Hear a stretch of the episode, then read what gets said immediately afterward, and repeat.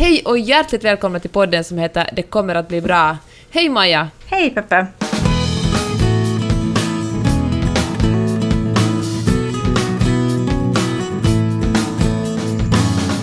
Den här gången har jag en gäst med mig. Det känns ju otroligt roligt att kalla min egen man för gäst.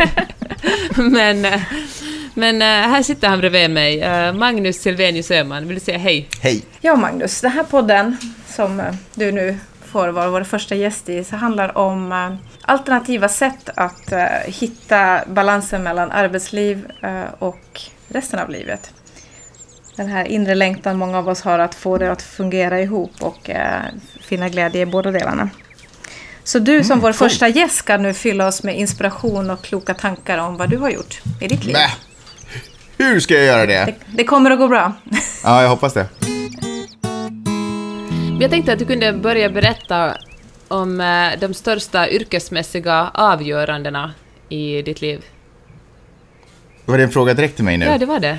Men vet du vad som är så himla svårt? Eh, jag vet inte om det är bara jag sådär, men, eh, eller om det här är ett drag som jag delar med andra människor. Men när jag tittar tillbaka på saker och ting jag har gjort så känns ingenting konstigt eller märkvärdigt, utan allting känns som att ja, men det var den slumpen som hände, eller det var det och jag råkade vara på rätt plats och det var det som hände och, och sådär. Så att det, det, det är svårt att säga vad som skulle vara avgörande. Jag tror att det mest avgörande, det avgörande perioden i mitt liv var att jag föddes. Okej. sen, sen, så, sen så har det mesta bara runnit på. Runnit på liksom.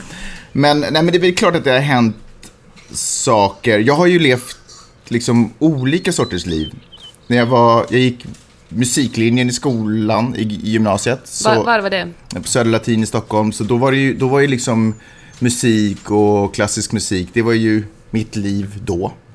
Sen eh, efter, eh, det, det verkar som att det gått i liksom någon så här typ decenniecyklar, och sju till åtta år någonstans där så känns det som att det alltid, det händer alltid någonting som gör att mitt liv lite byter bana. Och det som hände efter musiken var ju egentligen att jag började plugga på universitetet, men då läste jag inte, inte musik, utan då läste jag eh, datasystemvetenskap. Så då var det liksom med en sju, åtta års period där jag liksom höll på med dat- gjorde hemsidor och sådana saker liksom, på, på 90-talet. Brytet mellan musik och, eh, da- universitetet, det var egentligen ren desperation. Därför att vad skulle jag göra? Jag måste göra någonting med mitt liv. Jag kan inte bara gå omkring med gitarr över axeln, utan jag måste ut i världen och Det göra finns saker. folk som faktiskt gör det också. Det gör det och jag, gjorde, jag gav det ett försök. Jag sökte in till musikhögskolan men jag kom liksom inte in. Så då måste jag göra någonting annat. Jag sökte till och med jobb på McDonalds och fick inte ens det. Så det var verkligen så det var ren desperation liksom att jag kom in på... Och data, liksom, det var inte svårt att komma in där. Man behövde bra betyg men det var liksom inte så jättemånga som sökte det vid den tiden. Så det var liksom ett ganska lätt val. Så, så det var liksom desperation. Det andra som hände var väl kanske egentligen också någon form av desperation därför att det kändes så himla konstigt att sitta framför, och ha ett liv där man jobbar framför en dataskärm och vrider ner persienner och det kändes inte riktigt för mig. Så då var det på något sätt en ren desperation att vilja komma ut ifrån den miljön som jag eh, sökte in till journalistutbildningen eh, på en folkhögskola uppe i norra Sverige, i Kalix. Eh, så mycket, nu när jag tänker efter, så mycket har fötts ut desperation faktiskt. Att vilja komma vidare eller att eh, det här funkar inte. Men alltså, det har inte varit glädje som har drivit dig framåt. Jag tror glädjen är liksom inte den som har varit drivande, den har jag. Den är liksom, eh, jag tror att glädje är mer bara hur jag ser på hur jag betraktar, i de glasögonen nu, vilka jag betraktar min omvärld. De är liksom, det är liksom inte den drivande kraften. kraften. Sen så har jag förstås eh, år av att eh, säga ja till saker jag inte vet om jag klarar av och sen visar sig att det liksom i- inte allt för sällan går ganska bra har ju förstås också gett ett självförtroende som också bidrar till att man blir gladare. och så. Men jag skulle inte säga att det är glädjen som har drivit, det är liksom inte upptäckarglädjen som har drivit mig framåt. Upptäckarglädjen kom egentligen, tror jag faktiskt mest med under min, eh, under min journalistutbildning när jag liksom började förstå, för det är ju ett yrke där man betraktar världen mycket. Eh, Så då, då började jag hitta den här upptäckarglädjen tyckte det var spännande. Annars har jag ju bara snöat in mig. Liksom tidigare så att jag ju liksom snöade in mig i detaljer på musik eller så snöade jag in mig i detaljer på någon form av programmeringsgrejer. Det är ju först med journalistiken som eh, att upptäcka världen har kommit. Om du skulle beskriva liksom, var du står just nu. Så hela den här cykeln har ju handlat ganska mycket om att eh, be bevisa för sig själv att det går att omskapa saker och ting mm. i sitt liv och att få det att fungera. Men också på något sätt, det har varit också en träning och en skola i beslutsamhet och liksom att med naglar, näbbar och klor bita sig fast vid en situation som man älskar. Liksom. Mm. Fast det känns svårt och hopplöst. Tyckte du att det var svårt att komma från eh, lilla Helsingfors där du hade en ganska stark yrkesidentitet och där du, du var liksom en, en TV-profil och en radioprofil och så kom du till en plats där du verkligen inte kände någon och där du inte var någon? Nej, för jag har aldrig identifierat mig som en TV... Jag har aldrig identifierat... Jag, jag tror att det kan jag ha kanske att tacka mina olika liv för, men jag har inte identifierat mig som en programledare eller ens som en journalist. Det är liksom på något sätt vår den podden du och jag har tillsammans där vi pratar och tittar på saker och ting ur ett journalistiskt perspektiv. Det är liksom de enda gångerna i mitt liv som jag liksom vågar säga att jag kanske gör någon form av, eller att jag skulle identifiera mig som journalist. Men, men eh, nej, det, det har inte varit svårt. Det har liksom, ingenting har egentligen varit svårt med det här. Förutom att situationen, det har varit ett svårt problem att lösa, men det har aldrig känts svårt. Eh, eh, okej, okay, det har aldrig känts tungt. Mm. Jag förstår vad jag menar. Men du har gjort Fast, väldigt modiga beslut. Tänker jag. Liksom, inte bara säga upp sig från ett fast jobb och flytta till USA, men liksom flytta från Stockholm till Kalix. Det är ju ganska extremt. Ja. Det är inte många stockholmare som skulle våga flytta till Kalix. Jag, kan, jag vet inte riktigt, ja. Eller? Jo, men det, det kanske stämmer. Men jag, vågar, jag vet inte om det handlar om våga. Jag tror att det är många stockholmare som inte skulle vilja flytta, som inte skulle se poängen med att flytta till Kalix. Mm. Jag tror att jag alltid, jag menar om man ser poängen med varför man gör det, så då, då blir det ju inte så svårt, tror jag. Då, då finns det ju ingen mod inkopplat i det, för att det har liksom varit, jag vet exakt vad jag får ut av det. Jag behöver ett ombyte, jag behöver byta miljö. Jag skulle inte kunna gått in tillbaks till en skola i Stockholmsområdet för att jag har för mycket socialt liv där så att, och jag är inget studiehuvud så jag behövde isolera mig. Mm. Och jag behövde välja en, en folkhögskola för att jag behövde, jag be, min utbildning behövde vara mer praktisk. Liksom. Jag, liksom, ja, jag är inget studiehuvud, jag har alltid varit medel i skolan. Eh, och att sen flytta till från Sverige till Finland, inte heller modigt. För det första så har jag ju liksom släkt, jag har ju ett nätverk där och det är inte superlångt. Och den karriärsmöjligheten som gavs gjorde att det var ganska, ett ganska enkelt, jag hade ju ingenting annat. Mm. Liksom sådär som, som alltså, du hade inget att förlora, tänker Nej, exakt. Ja, fast, det, var, jag såg, det fanns ju hela tiden fördelar, liksom, ja, förstår du vad jag menar? Fast då tänker jag när jag lyssnar på dig, att, att helt som du sa inledningsvis, att det är svårt att, att titta tillbaka på sin karriär och liksom se vad det man har åstadkommit, att, liksom, att det skulle vara någonting extraordinärt. Jag tänker att mm. du kanske inte känns modigt för dig, men för någon som inte har lämnat den platsen där man eh, har vuxit upp, eh, särskilt om man bor i en storstad och aldrig har behövt det för att eh, söka sig till utbildning och så vidare, kan nog tycka att det, är ganska, ganska modigt att, att både byta del av landet och byta land. Men, då skulle jag, men det är klart att om man, allt, om man tittar på andra människors liv, så då, för att man tittar på något sätt på andra människors liv genom sina egna glasögon. Mm. Och, och, då, då ju andra människors beslut som väldigt så här, what, hur kan du göra det? Och wow, hur, hur kunde du få den rollen där? Men ingenting poppar ju bara upp. Det är ju liksom hela tiden, man gör ju någonstans ganska enkla beslut varje dag som bara leder en till situationer där man ibland är sådär, okej, okay, ska vi flytta över hela världen eller inte?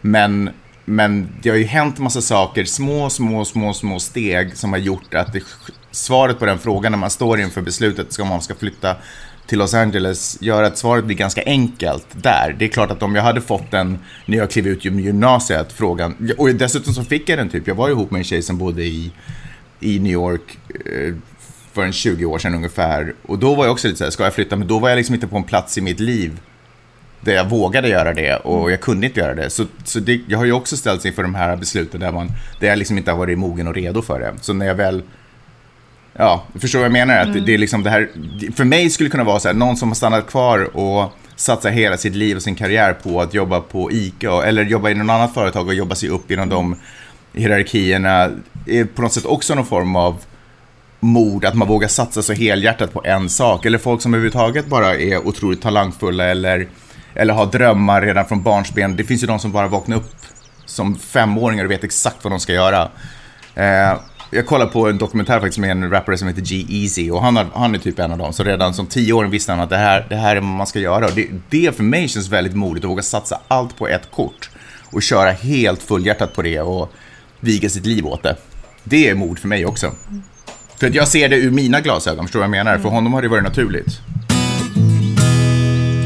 Men idag då? Jag lyssnade ju på, på er podcast här för en vecka och höll på att skratta ihjäl mig i bilen. När du pratade om eh, ja, dels hur, hur, hur fruktansvärt ansträngt ert förhållande är nu när, när du jobbar utanför hemmet, Magnus. det var väldigt Ja, roligt. det är tuffa tider. Ja, det är tuffa tider och vi, vi känner alla mer. Ja. Men, men sen, jag har ju så- startat så- ett stödkonto som man kan donera pengar till för att få Eller hur? hjälpa oss att överleva. Precis. Men sen så tyckte jag det var väldigt kul när du pratade om alla hittepåjobb som finns. Mm. Och eh, hur skulle du beskriva ditt eget hittepåjobb som du har idag? Eh, Alltså, fr- frågar du vad jag jobbar med? Ja, exakt. Eh, Så eh, jag, eh, mitt hittepåjobb är, jag är, eh, jag är, okej det här känns jättekonstigt. För att jag, det är allt, jag, jag, har, jag vet inte varför jag har så otroligt svårt att presentera mig själv. Det tog jättelång tid. För här i den här stan, i Los Angeles, är det så otroligt viktigt att man kan presentera sig. För någon gång plötsligt så hamnar man i en hiss med en jättebetydelsefull människa. Eh, och så frågar de vad man gör och då vill man ge svaret direkt. I, I Finland och Sverige så har jag aldrig behövt... Jag har aldrig känt pressen av att när jag berättar vad jag gör så är det samtidigt en pitch, utan jag har oftast bara berättat vad jag gör. Så nu när du frågar mig så vet inte jag om du frågar mig för att... jag vet inte om det här är nu då jag ska ge min pitch att Jo, alla i nej, världen det är kan höra precis vad nu jag du gör. ska ge din pitch. Mm, Okej, så jag är poddproducent och redaktör. Alltså jag är podcast professional, är vad jag är. Jag, eh, jag jobbar med poddar, jag skapar poddar och jag hjälper människor som eh, har en dröm om att ha en podd att realisera den. Vill du berätta hur det kommer sig att du började med podden? För det verkar inte Mm. alls meningen när vi flyttade hit. Återigen, eh, i ren desperation och i ren eh, eh, och tur, liksom rätt person, alltså rätt, på rätt plats vid rätt ögonblick. Alltså det är ju inte, Nu är det en superflummig, berätta konkret. Ja, okej, så först vill jag bara säga att när jag jobbade med radio, jag jobbade med radio långt, eh, lång, under en lång period innan, efter att jag då hade avslutat mina studier på Folkhögskolan uppe i Kalix, så jobbade jag med radio. Och en av de värsta saker man kan göra efter att man har gjort en sändning är att det eh, åbeläggs en att klippa en, vad som kallas för en remix. Det vill säga att man tar ut de bästa bitarna ur, eh, ur den där sändningen och sen så paketerar ihop det och lägger upp det så att folk kan lyssna på det på nätet eller ladda ner det. Eller det kanske till och med sänds på någon obskyr tid under helgen och sånt. Så det värsta man kan göra är att egentligen att sitta och klippa. Det är skittråkigt faktiskt. När, man jobbar, eller när jag jobbar på radio tyckte jag att det var det. Men eh, efter att ha flyttat till Los Angeles och, eh, och liksom pengarna sinar, Peppe tittar på mig med, med liksom tåruppfyllda ögon på väg ner till vår Nissan Maxima eh, som bara kostade en massa pengar för att det behövde repareras hela tiden. Eh, och tittar hon på mig i garaget och bara så att du, om du skulle kunna dra in 500 någon månad så skulle det betyda så otroligt mycket för att jag orkar inte jobba längre. Och någonstans i den desperationen så, jag vet inte vad det var som hände, men vi sitter på en middag tillsammans med en eh, tjej som heter Cecilia Blankens och hennes, då, eller, eller hennes poddpartner, eh, herregud vad heter hon för Johanna namn? Svanberg. Vad sa du? Johanna Svanberg. Johanna Svanberg, ja. Eh, De hade en podd tillsammans och just då så säger de att de hade blivit av med sin klippare, eller hur det nu var, eller om de hade haft ett uppehåll och hade blivit av med klipparen och skulle börja igen. Och så kommer det på tal att jag eventuellt skulle kunna klippa den. Och min första instinkt var så här, herregud, klippa, alltså det är ju det värsta som finns, det är ju det tråkigaste på jorden. Men på grund av desperationen, i den, liksom den ekonomiska desperationen, så var jag så här, absolut, vi kör. Och så började jag göra det. Och det var inte som att klippa remixer från gamla program, eh, utan det var en helt annan värld som öppnade sig. Och jag klippte den, det ledde till att jag fick ett annat gig med en tjej som heter Anita Schulman, som har en podd som heter Lille Lördag som jag fortfarande klipper. Det är väl den jag klippt längst nu, oslagbart längst. Eh, och de eh, och Anita Schulman, precis som Cecilia Blankens, är en otroligt generös person. Så de tillfällen de har fått så har de alltid spridit ordet om mig. Och det har lett till att det sen har börjat rinna på. Och nu då, efter när man börjar närma sig slutet på den här cykeln, så har det ändå regnat på med så, otroligt, så många poddar så att nu behöver Peppe inte gråta längre. Men vet du, Magnus, jag tänker att du också har lite tur här för att uh, du råkade komma in i poddvärlden när den var etablerad men ännu inte hade vuxit sig så jättestor. Så du råkade verkligen befinna dig på rätt, vid rätt tidpunkt på rätt plats. Mm. Ja, så kanske man kan se det. Ja, men jo, men så är det väl på sätt och vis. Samtidigt så är det, ja, nej men visst, absolut. Jag ska inte negga.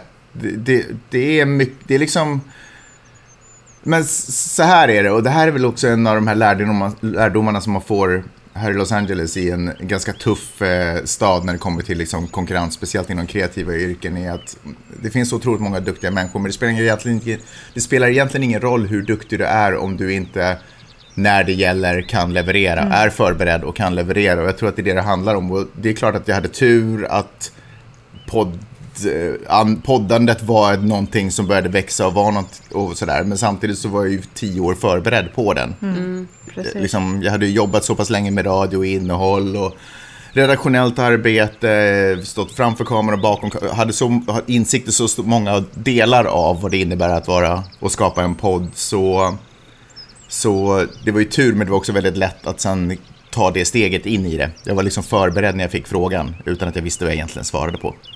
Tycker du det är roligt idag? Älskar det. Fy fasiken, det är en av de roligaste sakerna jag gjort. Det är så jäkla, jäkla roligt.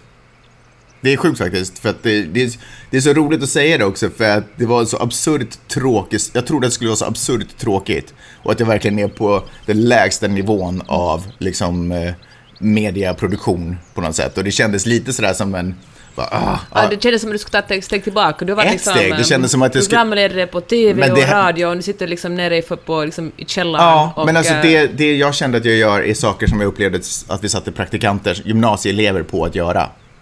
Det var den nivån jag gick tillbaka till. Liksom, jag hamnade tillbaka till kafferummet ungefär. Men det visade sig att det, det, var ju inte så. Och dessutom så upplevde jag att jag kunde, jag kan ju göra mer saker. Jag kan ju, ut, jag kan ju, jag kan ju skapa min min yrkesroll eftersom den egentligen inte riktigt finns. Det är klart det finns ju massvis med klippare där ute som bara klipper. Så, men eftersom jag har eh, radiobakgrunden och mediebakgrunden överhuvudtaget så kan jag ju hjälpa till med massa andra saker också. Så att jag har liksom gjort min, min yrkesroll större. Så. Och tror att det är därför folk betalar dyrt också. Mm. Jag är lite av en lyxprodukt. Bra. Man kan säga att jag är poddvärldens iPhone.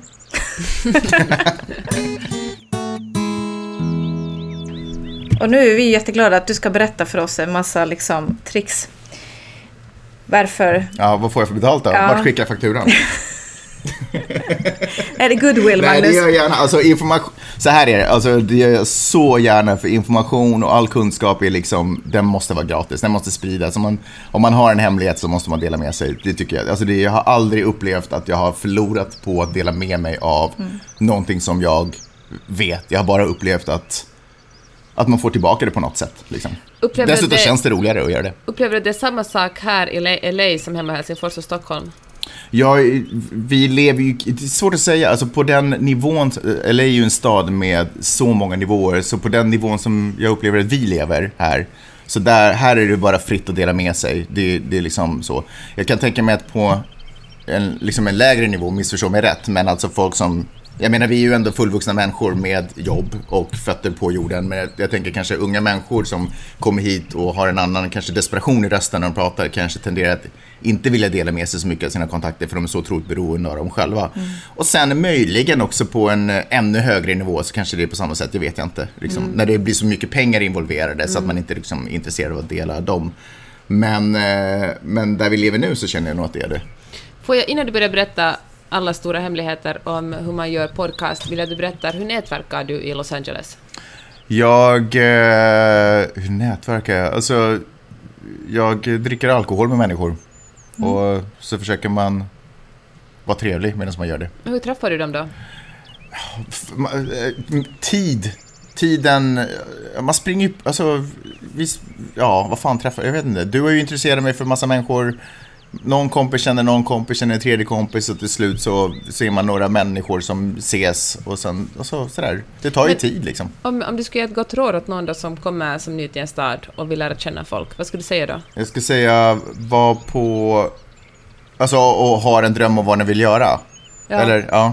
Eh, så här, för det första så om man ska flytta till den här staden så då, här vi har ju tagit en jäkligt underlig väg. Alltså det är ju jättekonstigt att vi är här egentligen. För det här är ju nog en stad där man, dit man ska komma med ett mål i sikte. Liksom. Och jag har ju fortfarande inget mål i sikte. Nu är ju på något sätt målet bara att kunna hänga kvar.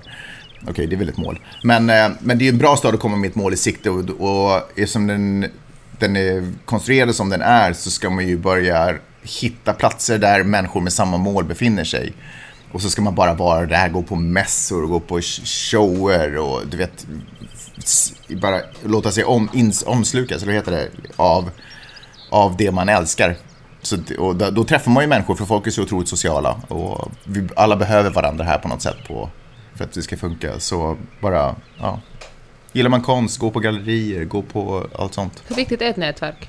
Allt. Det är ju, det är ju allt. Om man inte känner någon så, ja, om du inte liksom Ja, nej, det är väl allt.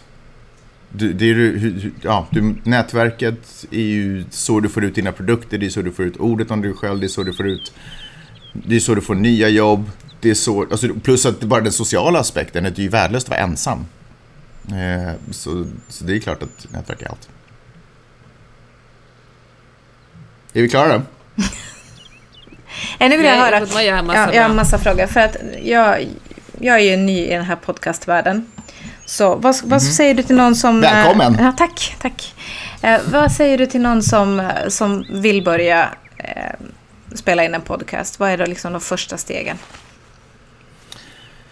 Första stegen är att fråga sig varför, eh, på samma sätt som eh, jag vill börja göra musik, så bara, men varför? Varför vill du börja göra musik? Det måste man ju rätt ut med sig själv. Vad är, vad är liksom budskapet? Vad är det du har att berätta? Kanske, kanske det kommer fram till att jag vill uh, uttrycka mig... Jag vill, ja, men sådär, du måste ju veta varför du gör det. Uh, och så sätter man sig ner och funderar på uh, till vem man skulle vilja göra det här och ritar upp någon form av liten karta så man har det ganska klart för sig. Man vet, för om man vet vem man gör det här till, då vet man också hur man ska göra det, om du förstår vad jag menar. Mm. För vi, olika målgrupper har ju olika språkbarriärer. Så, så då måste, man måste lösa dem så att det blir så enkelt som möjligt för lyssnarna att ta till sig det budskapet man har. Kan du ge ett exempel på några poddarna som du klipper eller gör? Um, vad ska jag säga? Alltså, all, alla poddar som jag klipper har sin ton. Därför att det är därför de, de har hittat sin ton och det är därför de har blivit framgångsrika. Um, er podd, mellan raderna, Eh, två, väldigt tydligt att ni är superpålästa och har läst otroligt mycket. Man hör det hur ni pratar om böcker, era referenser ni drar. Ni kan tillåta er att, eh, att bli nördiga inom ett gebit för att ni vet att de lyssnare som lyssnar på er vill höra de här nördigheterna. Inte för att de nödvändigtvis vet alltid vad ni pratar om, men de är tillräckligt kapabla till att ta reda på vad det är ni pratar om då i så fall. Förstår du vad jag menar? Att man, ni kan lägga er på den nivån. Om ni till exempel gjort en bokpodd för barn så hade den varit mm. tvungen att låta på ett helt annat sätt. Så... Det där förresten är en jätteintressant sak som du sa själv att när du började med poddar hade ju, var det ett nytt område, men du hade ändå förberett dig i tio år mm. eftersom du jobbar med innehåll och uh, rent tekniskt med radio. Och då känner jag att göra en bokpodd, det har ju så förberett mig för hela mitt liv. Mm. Äntligen får jag nytta av all den nöjesläsning jag har idkat sen jag lärde mig läsa. Mm. Det är ju otroligt alltså. Ja. Så lite kolla, alltså, precis som med goda uppfinningar, man på något sätt man, man går omkring i, i, sin värld och så upptäcker man att det saknas någonting och så är man den personen som fyller det tomrummet. Så där någonstans börjar man ju. Sen så försöker man ta till sig vad det är för vad det är som krävs för att man ska kunna göra det här då när man har, när man har bilden klar för sig och då behöver man naturligtvis en mikrofon och en laptop och sen så kör man. Varför tror du att det har blivit sån boom med podcast nu? Varför vill alla ha en egen podd? Varför alla vill ha en egen podd är ju, eh, det tror jag, alltså jag tror att det finns olika svar. Jag tror att eh, eh de, de mediepersonligheter som vill ha en egen podd vill ha det därför att det är ett jäkligt tacksamt sätt för dem att hålla sitt varumärke levande. Jag tror att det är väldigt viktigt för mediepersonligheter och kändisar eh, att eh, hela tiden vara på den nya platsen där eh, Ja, men förstår vad jag menar. Det, det är liksom där det händer och så vill man ha sitt namn där ute. Så jag tror att det är väldigt tacksamt. Plus att det, det har ju visat sig vara en ganska lukrativ grej för dem. Så därför så tror jag att det är självklart för dem att vara där. När det kommer till alla oss andra så tror jag att vi antingen har vi ett intresse för nya saker som sker när det kommer till sociala medier och sådana saker. Eh, men sen så tror jag också att eh, kanske, den här lotterikänslan, alla är där, jag vill också vara där. Sen tror jag att vi också lever i en värld där vi har en övertro på hur intressanta vi är som människor och därför känner att vi, vi eh, mitt budskap ska vara där ute för det här är så jäkla, jag är så himla rolig och bra. Så, lite samma anledning till varför Idols och Idol funkar. Det är bra liksom. Alla, alla tror att de kan leverera och därför vill alla vara med oss och tävla. Liksom. Men podcasten är ju väldigt stort nu. Varför tror Ja, du det är det men sen, precis. Men sen så finns det ju ur lyssnaraspekten så tror jag att podcast sitter väldigt bra därför att vi är ju mycket mer rörliga nu än vad vi, i, än vad vi kanske har varit tidigare. På så sätt att vi tenderar att eh, eh, ja, men vi är mycket mer aktiva. Jag vet inte. Nej, tvärtom sitter vi bara vid våra datorer hela tiden. Ja, men jag tänker man drar och tränar, det sitter väldigt bra i människors livsstil, att man, man rör på sig, man vill ta till sig information. Jag tror inte man... att det handlar om att man är så van vid att fylla varje stund av sitt liv med information. Ja. Och eftersom man kanske inte har tid att ta till sig rörlig bild eller att läsa, så då är podden ett perfekt Men ta tid, alltså jag tror, medium. att, jag tror att det är Du mer kommer för göra att två saker samtidigt. Medan man är ute och springer så handlar det inte om att man inte kan ta tid att ta till sig rörligt. Man, när man är ute och springer så går det inte att ta till sig rörligt. Eller läsa, så då sitter ju podden som Mm, en... precis. Ja, bra. Ska vi, måste vi börja bråka om det här nu? Det är Vilken är din favoritpodd då, Magnus? Eh, Alla de som jag klipper faktiskt. Jag Vilken är hinner, din favorit? av de som jag klipper? Alla dem? Ja, alla de. Nej, eh, vad lyssnar du på? Ja, jag lyssnar på de som jag klipper. Eh, jag, har- jag, jag, och sen så har jag vissa nyhetspoddar som jag gillar. Jag gillar eh, Pod Save America, jag gillar New York Times Daily. Men, men de lyssnar jag kanske mest på i egen research-syfte för vår egen podd. Eh, I och för sig för underhållnings skull. När jag bara säger, okej nu har jag ingen ljudbok, nu har jag, orkar inte lyssna på några nyheter. Då är det faktiskt Ted och Kai som jag återvänder till. Det är nog en av mina favoritpoddar. Därför, men det är också för att det ger mig en sån här, men jag känner dem, det är jag, liksom, jag får, um, jag får lite umgänge med vänner i kvar, som bor kvar i Finland. Så. Vad ska man tänka på då innehållsmässigt? Man ska tänka på att man... Eh, jag tror att det, det, det lönar sig att strukturera upp avsnitten också. När man då väl har bestämt sig för vad, vad man vill prata om och till vem man vill prata om så kan man börja lite fundera på hur ska varje avsnitt se ut. Eh, ja, Okej, så här. Det här tror jag faktiskt är ett av de vanligaste misstagen. Det är att nu ska jag börja podda och det är från nu till evigheten. Och sen så gör man, det är som när man ska börja träna, du vet, eller man ska börja banta eller vad man nu tycker om att göra. Att det, är liksom, det känns som en bra idé i början, eh, men eftersom man inte har något slutdatum så börjar det snart bli sådär att, åh nej, nu börjar det bli överväldigande, nu ska jag varje vecka producera någonting. Så jag tror att det man, en smart grej att göra är kanske till exempel att man säger så här, jag kommer ut med tio avsnitt, det är vad jag gör. Och då kan man också ta lite tid och fundera på hur man vill att de här avsnitten ska se ut och vad de ska innehålla, vad ska varje avsnitt innehålla, kanske till och med få till en dramaturgisk kurva på de här tio avsnitten så att det blir nästan som en, ja, men du vet, en riktig serie. Och titta kanske lite mer på varje avsnitt, få till någon form av dramaturgisk kurva där också i varje avsnitt. Så där är vi kanske inte riktigt, inte jätte, amerikanska poddar har blivit ganska, är ganska bra på det. Naturligtvis finns det väldigt många eh, Sveriges Radio-poddar som också levererar de grejer, för de gör ju flippin radio liksom. Men eh, där är väl kanske någonting som många, som vi lekmän kan börja ta oss till i vår. Hur ska man få folk att lyssna på sin podd? Ja, du. Man, eh, så här, om man inte har ett socialt nätverk, om man inte har vänner, så då är det jävligt svårt att komma ut med sin podd. Nej, men för det, alltså poddar är, det är inte radio. Poddar är inte radio, poddar är liksom mer besläktat, som jag ser på det, så är det mer besläktat, besläktat med sociala medier. Så det är klart att om du inte känner någon och du bara, jag har en jäkla bra, och det kan vara världens bästa idé, den kan till och med vara presenterad på det mest exemplariska sättet. Men om du inte får ut det ens till någon, så då finns den ju inte. Det, det går inte. Det, och det kommer ut så många poddar dagligen. Och alla vill vara där och fightas. Och de flesta är ganska undermåliga, vilket gör, och det här lär man sig också som lyssnare när man håller på och söker nya poddar. Det mesta som finns där ute är ganska dåligt liksom. Så då börjar man ju tendera att hålla sig till de här Vad vad är en dålig podd då? Ja men du vet, de bara pratar på, det kanske inte leder någonstans, de kanske inte funderar på vad de ens vill säga, de vill bara höras. Eh, det kanske är, ehm, liksom, ja men du vet, dåliga, present, dåliga pratare, dåliga berättare liksom. Eh, ämnena kanske är tveksam, vad, vad fan snackar de om, vem av det här egentligen? Det kan ju vara supernischat också, det kan i och för sig vara kul och jag tycker att det är ju det fina med podden. Nu håller jag på att hoppa från ämne till ämne, jag ska försöka svara på den första. Eh, eh, fan vad frågan? Hur ska man nå ut? Ja, just det. Hur, man ska, hur ska man nå ut? Ja, men du måste ju ha ett nätverk. Du måste ju ha en plan för det. Det, det är ju liksom en av de viktigare sakerna när man startar med podd. Dels fundera på vad, naturligtvis vad den ska handla om. Och, och vem man riktar sig till, men också hur ska jag nå ut till dem? Om det här är till barn, så då borde man ju ha en plan till att kanske få den presentera det här för dagisfröknar i landet. Skicka en massmail till alla. Inte vet jag, eller skol... Ja, men just sådana tips vill jag ha. Skicka ett massmail till Ja, alla men alltså, man måste ju nå ut till dem som... Om det här, är en, eh, det här är en podd om eh, rockmusik, då får man väl skicka det till, eh, inte vet jag... Ska man göra rock- ett pressmeddelande? Ja, eller gå och knacka dörr, jag vet inte. Man får ju vara en försäljare. Knacka dörr? Ja, om och jag skulle in ha... på en C-kassett och räcka över den? Ja, jag vet inte, typ. Liksom. Inte långt ifrån. Eh, det känns jättekonstigt att dra fram en C-kassett eftersom ingen har en kassettbandspelare. Men i princip så, så måste man ju på något sätt nå ut till, eh, till sin målgrupp.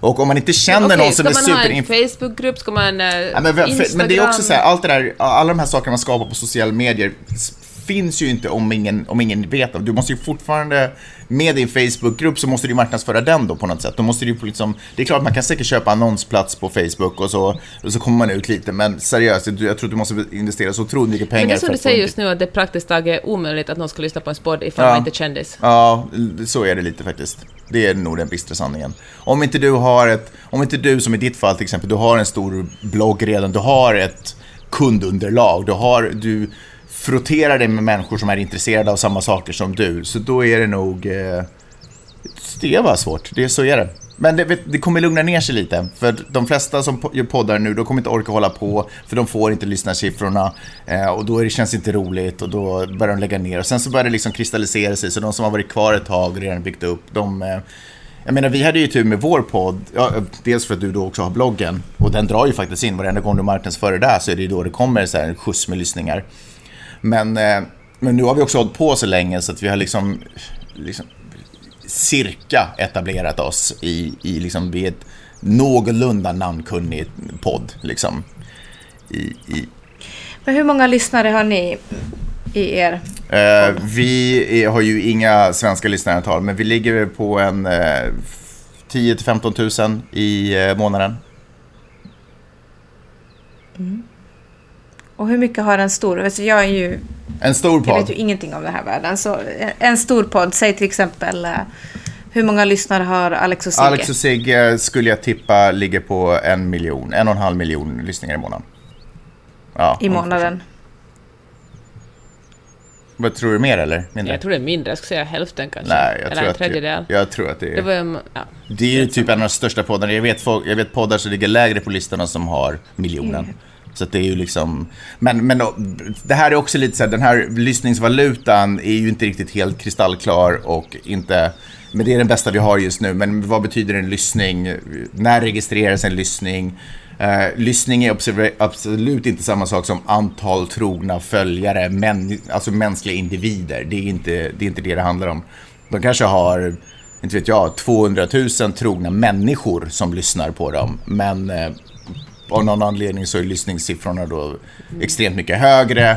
Och det är naturligtvis, ja jag vet inte, jag, allt, det, är inte liksom, det här är inte rättvist uppbyggt och det är inte alls klart och det pågår jättemycket fiffel och båg och min fisk var så här stor, retorik. Eh, Men än så länge funkar det därför att det är ingen som, vi har inget bättre. Det var som på 90-talet när, jag, när vi krängde typ hemsidor och lösningar på internet till, föret, eller liksom till företag när knappt internet liksom funkade. Så bara, "Åh, det här är så jäkla grymt och det är ju därför bubblan sprack också. Det här är ju en poddbubbla som kommer spricka så småningom, där saker och ting bara stabiliseras. Eh, och då kommer det se annorlunda ut. Hör du, Uh du säger att det är det roligaste du kan tänka dig göra, Mm. mm. göra podden. Har du något råd till någon som känner att, eh, som börjar känna desperation på sitt jobb och känner att det här är inte det, le- det liv jag vill leva. Jag önskar att jag vågade göra någonting annat. Eh, ja, uh, var kvar tills desperationen blir olidlig. Då behöver man inte önska att man vågar längre. Då gör man bara för då har man inga val. Liksom. Alltså, ja, alltså gå omkring och lida, varför ska, det känns inte rätt. Eh, det måste man sluta med. Om man verkligen lider. Att safea, speciellt i de länder som vi kommer ifrån, att, att liksom spela safe, det är, det är liksom inte... Det är inte Vad menar schysst du med länder som vi kommer ifrån? alltså nordiska, där vi har en trygg välfärd, där, där man som vit infödd inte hamnar på gatan. Liksom, du måste anstränga dig hårt för att hamna på gatan. Verkligen missköta räkningar. Verkligen missköta ditt sociala kapital, alltså dina, din, dina vänskapsrelationer. Verkligen, eh, du vet, verkligen verkligen, verkligen, verkligen vara nere i djupet. Men om man är rädd för det ekonomiska, känner att okej, okay, jag kommer kanske inte att hamna på gatan. men, men vad är du inte... rädd för? Det går ju att bygga upp på en fiskvart. Liksom. Om du har sagt upp dig från ditt jobb, så kan, det finns det är ju bara din stolthet som sätter gränser för vad du är, för vad du är redo att göra för pengar. Men du får ju, klart, du får jobb på vilken bar som helst om det skulle vara så. Eller, eh, jag menar inte att barer anställer vilka människor som helst, men det finns ju vilka un, eller låg och underbetalda jobb som helst som man kan ta bara för att klara, klara livhanken. Och det är klart att jag inte kan bo på en i lägenhet på Östermalm, så om det är viktigt för mig, så då får jag väl bita tag i det. Men då har jag gjort mina prioriteringar. Men om, om mitt liv suger, då måste man ju se vad det är jag kan göra så att det inte... Så att, alltså man måste ansuga det då. Men du, när du har gjort de här modiga valen... Men sluta prata om dem som modiga val, för att det är allt, allt är liksom... Dig. Man, för om man pratar om ja, okay. ord. Om man pratar om det som modiga de val, valen. då får man det låta mm. som att det här är inte saker som... För det, du vet, modiga människor är speciella människor. Och då får man det låta som om det här valen inte är för alla människor. Men det stämmer inte. Det, för jag har inte jag har inte fötts med Stålmannen-trikåer. Jag har liksom okay. bara gjort, varje dag har jag fattat ett beslut, eller tvingats fatta ett beslut. Och det är liksom inte, alla gör... Okay. Men du har stått i olika, du har stått i olika vägval, ja, kan man säga absolut. så? Är, man står ju alltid vid olika vägval och det är då man bestämmer vilket liv man vill leva. Ja. Men vad är det du då har prioriterat ner? Eh, saker som gör mig ledsen, som får mig att känna mig mindre värd, saker som... Eh, Exempel? Eh, nej men var, befinna mig på arbetsplatser där jag upplever att jag inte tas på allvar eller där jag upplever att det är en negativ stämning där jag liksom riskerar att sugas in. Jag är ju väldigt sådär känslig för gruppdynamik. Jag vill vara som alla andra. Men jag är fortfarande på något sätt en varningsklocka att om jag befinner mig på en plats där alla är negativa så kommer jag att bli negativ och det vill jag liksom inte vara så då måste jag dra. Eh, jag har också, jag prioriterar ner, eh, ja det är väl kanske de jag situationer jag har undvikit. Där jag liksom inte... Jag vill på något sätt kunna se mig själv i spegeln. Jag vill inte vara på platser där jag gör dåliga saker för länge eller känner att jag liksom inte tar seriöst eller... Ja, eller om jag skulle bli mobbad, det har jag kanske inte blivit. Men liksom, du vet, sådana saker har jag alltid gått ifrån. Vad är det bästa råd du har fått? Bästa råd jag har fått? Mm. Jag skulle säga att det är inte ett råd, utan det är kanske mer en livslärdom. Det, det, här är en historia. Vill du höra en historia? Ja, det är ju poddformat mm. som bäst med historia. Men vi har redan pratat typ i 40 minuter. Jag klipper bort det.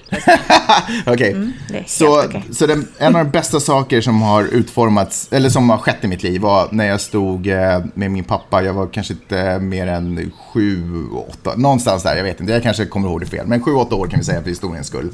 Och så stod jag i en matvarubutik. Eh, och det var, det var liksom, jag stod i kassan, eller vi stod i kassakön och det var två köer som löpte parallellt och vi stod i den ena. Och, och i den andra kön, så, eller vid sidan om den andra kön, så är det liksom en, en äldre dam. Då var hon i alla fall en äldre, jag vet inte, hon kanske är yngre än vad jag är nu. Men en äldre dam som eh, uppenbarligen höll på att tränga sig hela tiden. Hon gjorde sig lite diskret, hon bara kollade på någonting som var på en hylla där i närheten, så bara vek hon av och så liksom gled hon lite in i kön. Och så gjorde hon det några gånger och liksom tog plats i kön och bara kom längre och längre fram. Och min pappa såg det här och på sätt och vis hade väl också noterat det. Men så sa han så här att om du, om du eh, säger till den där tanten där borta så får du en kexchoklad när vi kommer fram till kassan. Ja, och så stod jag lite och funderade och sen så, så ställde jag till mig lite sen. Jag bara, hallå, du där, du tränger dig. Och hon blev naturligtvis superskärrad och tyckte det var jättestressande. Men Eh, och kom med några underliga förklaringar om att hon hade fått tillstånd från butikschefen att, att tränga sig för hon skulle med en buss. Jag vet inte, det var jättekonstigt, hon blev bara paniksvamlad ungefär. Eh, men det som hände då var kanske lärdomen och det var, för det första så var det ingen annan, ingen av de andra vuxna runt omkring som gav mig någon form av support fast jag var den minsta i butiken typ. Eller jag var den näst minsta faktiskt.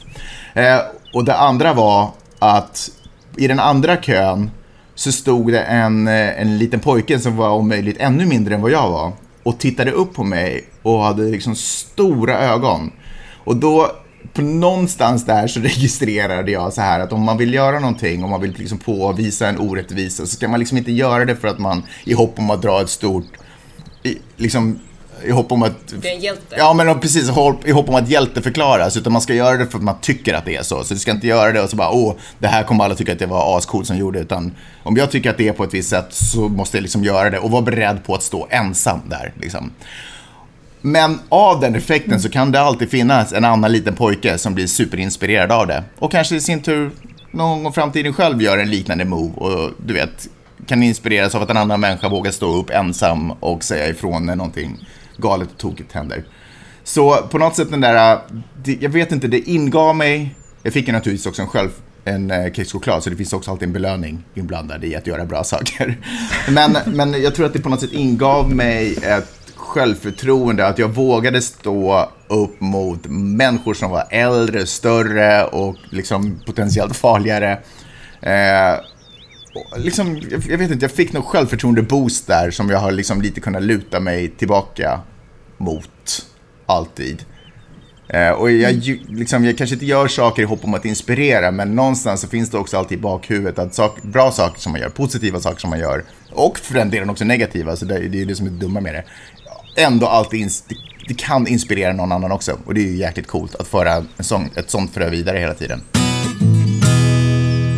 Om du skulle kunna ge dig själv ett råd om du tänker tillbaka att du, du ser Magnus som äh, tar studenten. Så vad, vad skulle du, Magnus, idag ge för råd till den här Magnus nybliven student om livet här emellan? Eh, jag skulle vara livrädd och närma mig Alltså jag har ju sett tillbaka till framtiden. Jag vet ju vad som händer om man går in och strular med saker och ting. Det kan ju få helt oanade konsekvenser. Och om jag skulle göra någonting i misstag för att fucka upp det liv som jag har idag, det skulle vara oförlåtligt. Så uh, jag skulle hålla mig borta. Nej men alltså, ett råd till människor liksom, är väl, uh, det brukar min vän Peter Westerholm påminna mig om att jag brukar säga till folk så här, jag har en regel för mig själv, nämligen att jag får göra jag behöver inte göra saker och ting om jag inte vill. Men jag får inte säga nej till någonting för att jag inte vågar. Så det har lite varit kanske ett, mm. ett, ett ledord. Eller något sånt. Förstår du vad jag menar? Ja. Mm.